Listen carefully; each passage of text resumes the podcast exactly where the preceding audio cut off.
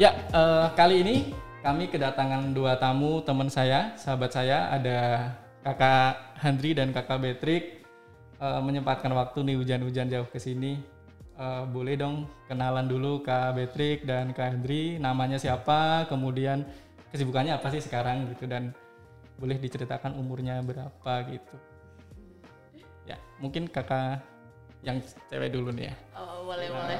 Ladies first ya. Iya. Uh, halo semuanya, namaku Beatrix Monica, uh, bisa dipanggil Monik. Um, saat ini kesibukannya bekerja di sebuah edutech startup uh, sebagai program manager. Terus tadi umur ya, umurnya 28. Oke, terima kasih Kak Monik. Panggilnya Monica kan ya? Iya.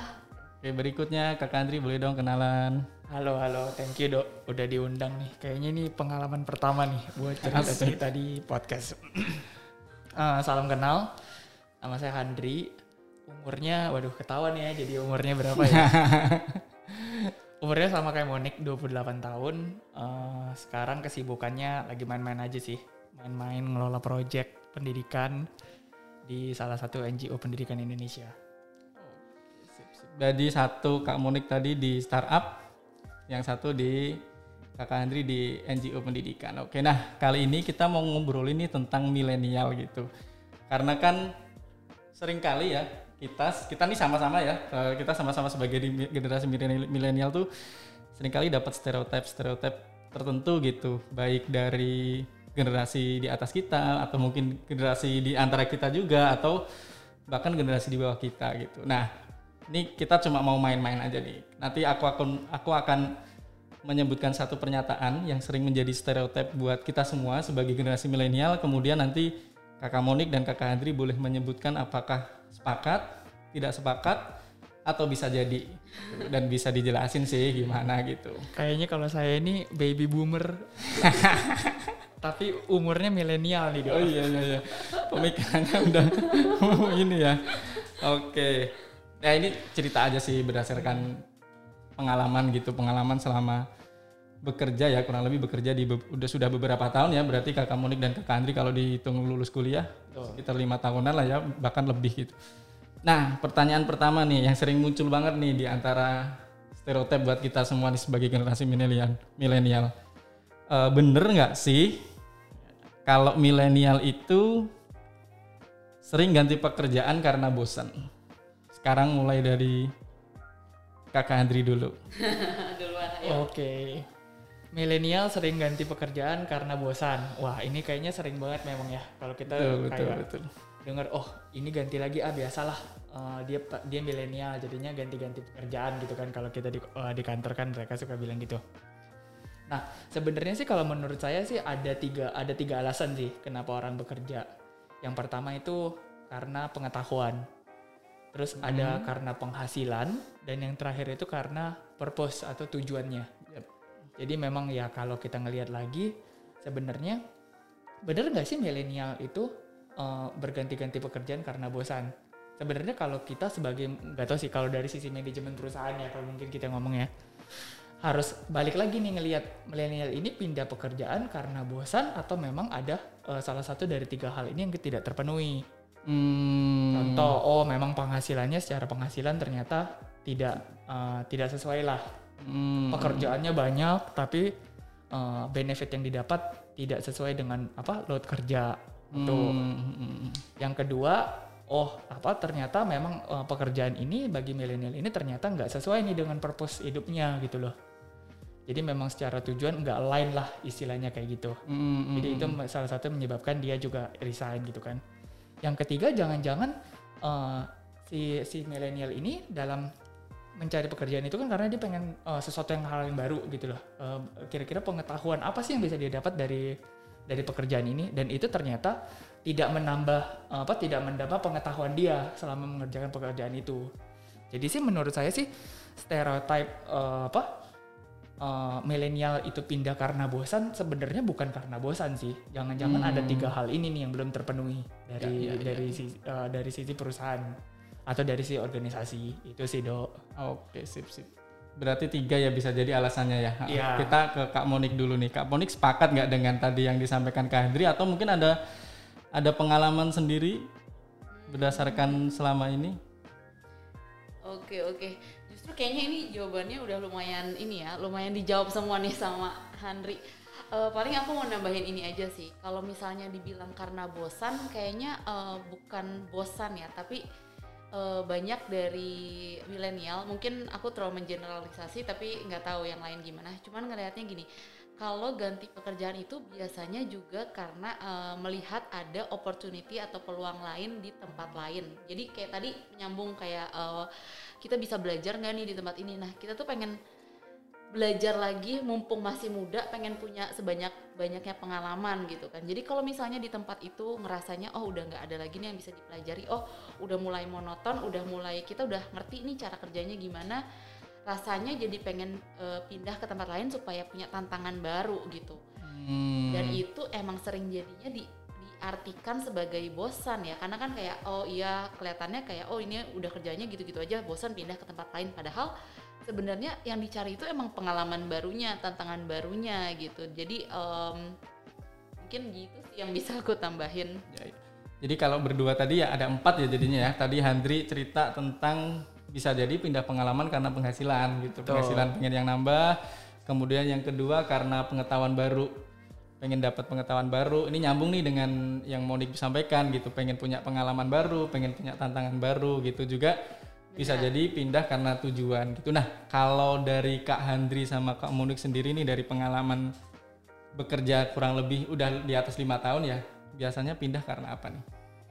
Kalau dari empat alasan ini tadi nih, kalau Kak Handri gimana? Kayaknya saya sudah pernah semua uh, dari sisi penghasilan pernah, dari sisi uh, tujuan per juga pernah, dari sisi apa pengetahuan juga pernah deh kayak itu. Oh gitu gitu. Jadi kayak sering banget ya pindah-pindah ya, tapi bukan karena bosan ya sebenarnya, hmm. tapi karena alasan itu. Kalau Kak Monik? Hmm, kalau aku mirip sebenarnya mirip juga nih sama Henry.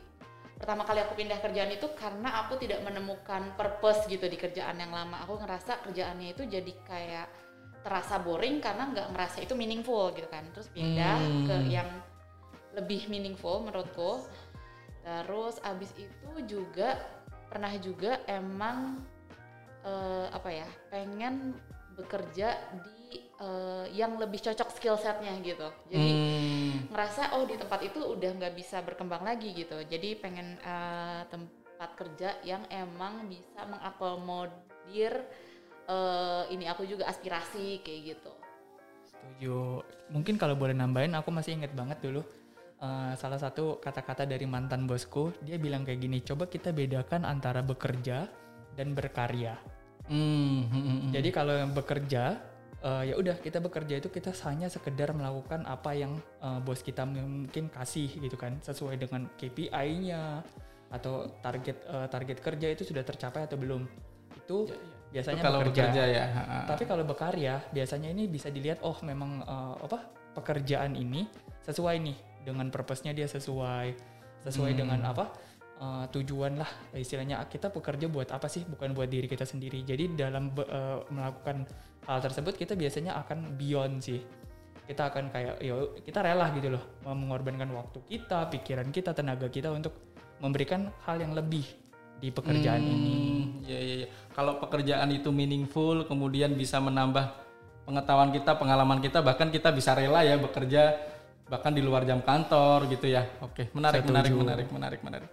Oke, terima kasih untuk pernyataan stereotip pertama nih. Jadi seperti itu tadi penjelasannya. Nah, kemudian yang kedua nih, ini juga sering kali nih uh, aku denger nih, bener nggak sih milenial itu nggak bisa kerja di kantor gitu, nggak bisa kerja kantoran gitu. aku pernah ya kerja yang kayak emang kerja kantoran dari pagi sampai malam, pernah juga kerja yang pakai seragam. Uh, Sebenarnya bukan nggak bisa kerja di kantor atau nggak bisa kerja pakai seragam tapi bisa kerja yang tidak seperti itu gitu jadi maksudnya uh, kerja di kantor bisa tapi kayaknya kalau misalnya kerjanya nggak harus di kantor bisa dari rumah atau bisa dari tempat lain itu juga sama-sama aja efek dan efektif dan produktifnya gitu. Jadi istilahnya tuh bukan nggak bisa kerja di kantor tapi bisa nggak kerja di kantor. Wah uh, kalau ini sih sebenarnya ya uh, kalau dari saya sendiri uh, dari aku sendiri sih kayaknya dulu tuh memang nggak pernah kebayang sih bisa kayak di zaman pandemi gini kan ketika bisa kerja dari luar terus hmm, uh, jam hmm. kerja juga ternyata lebih fleksibel lebih fleksibel ini bisa nambah ya bisa nambah terus misalnya siang bisa tidur siang gitu kan iya, iya, iya. nah kayak gitu kan jadi ketika ketika pandemi ini cukup membuka mata sih ternyata bahwa oh ternyata dengan apa dengan uh, apa dengan uh, tidak harus ke kantor jam kerja fleksibel uh, produktivitas juga tetap sama gitu loh sebenarnya kan. Itu yang di itu yang dikejar kan. Jadi kalau kita ya, balik ke pernyataan pertama milenial bisa nggak sih bekerja di kantor? Kayaknya itu bisa-bisa aja tapi kalau mau punya pilihan untuk tidak kerja di kantor kita memilih untuk tidak kerja di kantor. Oh gitu gitu. Sip. Poinnya dapat nih bisa aja sih kerja di kantor gitu. Tapi kalau ada pilihan lain gitu hmm, itu ya lebih baik di situ. Yang penting produktivitas tetap tercapai. Tetap tercapai. Menarik, menarik, menarik. Uh, bener nggak sih kalau generasi milenial itu generasi yang lemah? Lemah ini dalam artian ini ya, terlalu sensitif, kemudian uh, bahkan banyak yang menganggap kayak selalu ingin dimanja gitu, dikit-dikit mengeluh, dikit-dikit kayak wah kayaknya nggak deh, mending yang lain aja Gimana tuh? Sulit nih pertanyaannya nih.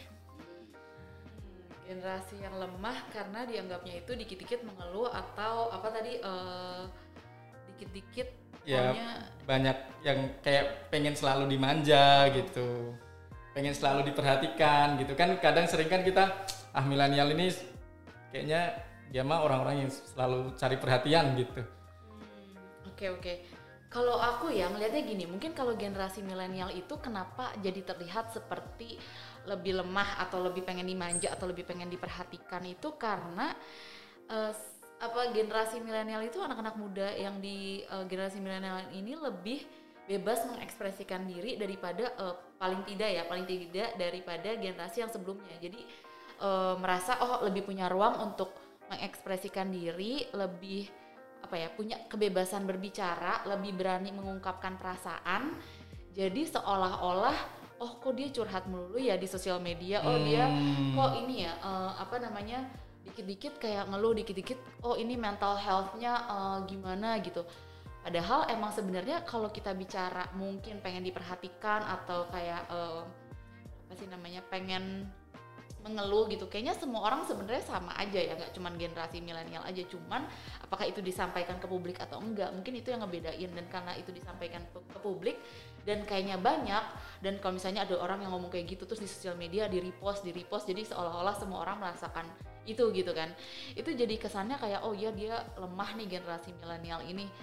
Uh, tapi sebenarnya mungkin yang diper, perlu diperhatiin lagi juga adalah emang itu adalah isu yang penting atau maksudnya itu isu yang sudah ada cuman sekarang baru ke blow up gitu baru uh, orang-orang raise this issue atau emang uh, dianya aja yang lebay gitu kan sebenarnya jadi emang apa ya kalau stereotipnya lemah nggak setuju deh kayaknya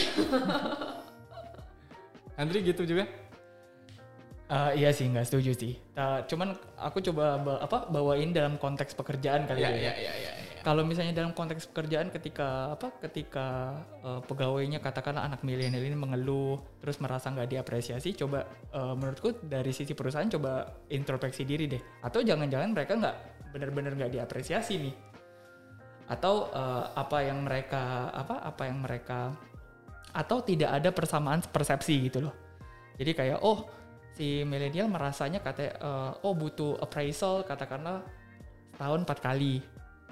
Hmm. Terus misalnya itu menurutku ya uh, ketika ketika perusahaan memberikan apresiasi lebih ataupun mendengar keluhan sebagai sebagai apa ya sebagai perusahaan atau organisasi yang baik ya seharusnya mereka enggak menganggap itu sebuah sebagai sebuah apa ya sebagai sebuah oh kok ini anak manja banget ya, ya di ya, ya, ya, di ya. apa uh, apa di di uh, butuh apresiasi terus atau mengeluh terus dan lain-lain. Tapi lebih ke kayak oh ya udah ini jadi jadi hal yang untuk mengintrospeksi diri aja sih sebenarnya.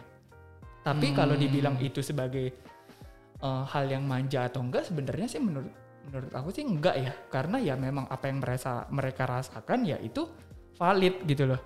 Jadi kita nggak bisa juga meng, apa membangun stereotip sendiri oh milenial ini anak yang manja karena dia suka ngeluh. Ya ya apa yang mereka keluhkan itu ya apa yang mereka rasakan gitu loh. Jadi kita, sebagai pihak uh, manajemen itu harus lebih sensitif lagi aja sih menurut gua. Jadi kesimpulannya sih kalau menurut kita berdua kayaknya kalau dibilang lemah ya enggak juga ya men ya? Hmm, enggak sih hmm. lemah. Ya ya ya